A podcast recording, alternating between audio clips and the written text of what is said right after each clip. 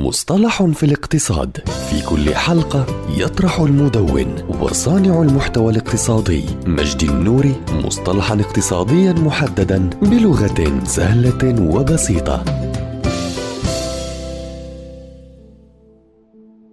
مؤشر ستاندرد أند بورز 500 هو مؤشر مرجح للقيمة السوقية ل 500 شركة رائدة في مجال التداول العام في الولايات المتحدة ولا يعبر هذا المؤشر عن قائمة دقيقة لأكبر 500 شركة أمريكية حسب القيمة السوقية لأن هناك معايير أخرى يتضمنها هذا المؤشر. ومع ذلك فإنه يعد أحد أفضل مقاييس أداء الأسهم الأمريكية البارزة وبالتالي أداء سوق الأسهم بشكل عام وقد تم إطلاق هذا المؤشر في عام 1957 من قبل وكالة التصنيف الائتماني العالمية ستاندرد أند بورز ولا يمكنك الاستثمار مباشرة في هذا المؤشر ولكن يمكنك الاستثمار في أحد الصناديق العديدة التي تستخدمه كمعيار لتتبع تكوينه وأدائه حيث يعد هذا المؤشر أحد أكثر المؤشرات الأمريكية. التي يتم تداولها على نطاق واسع لأنه يمثل أكبر الشركات المتداولة علنا في الولايات المتحدة.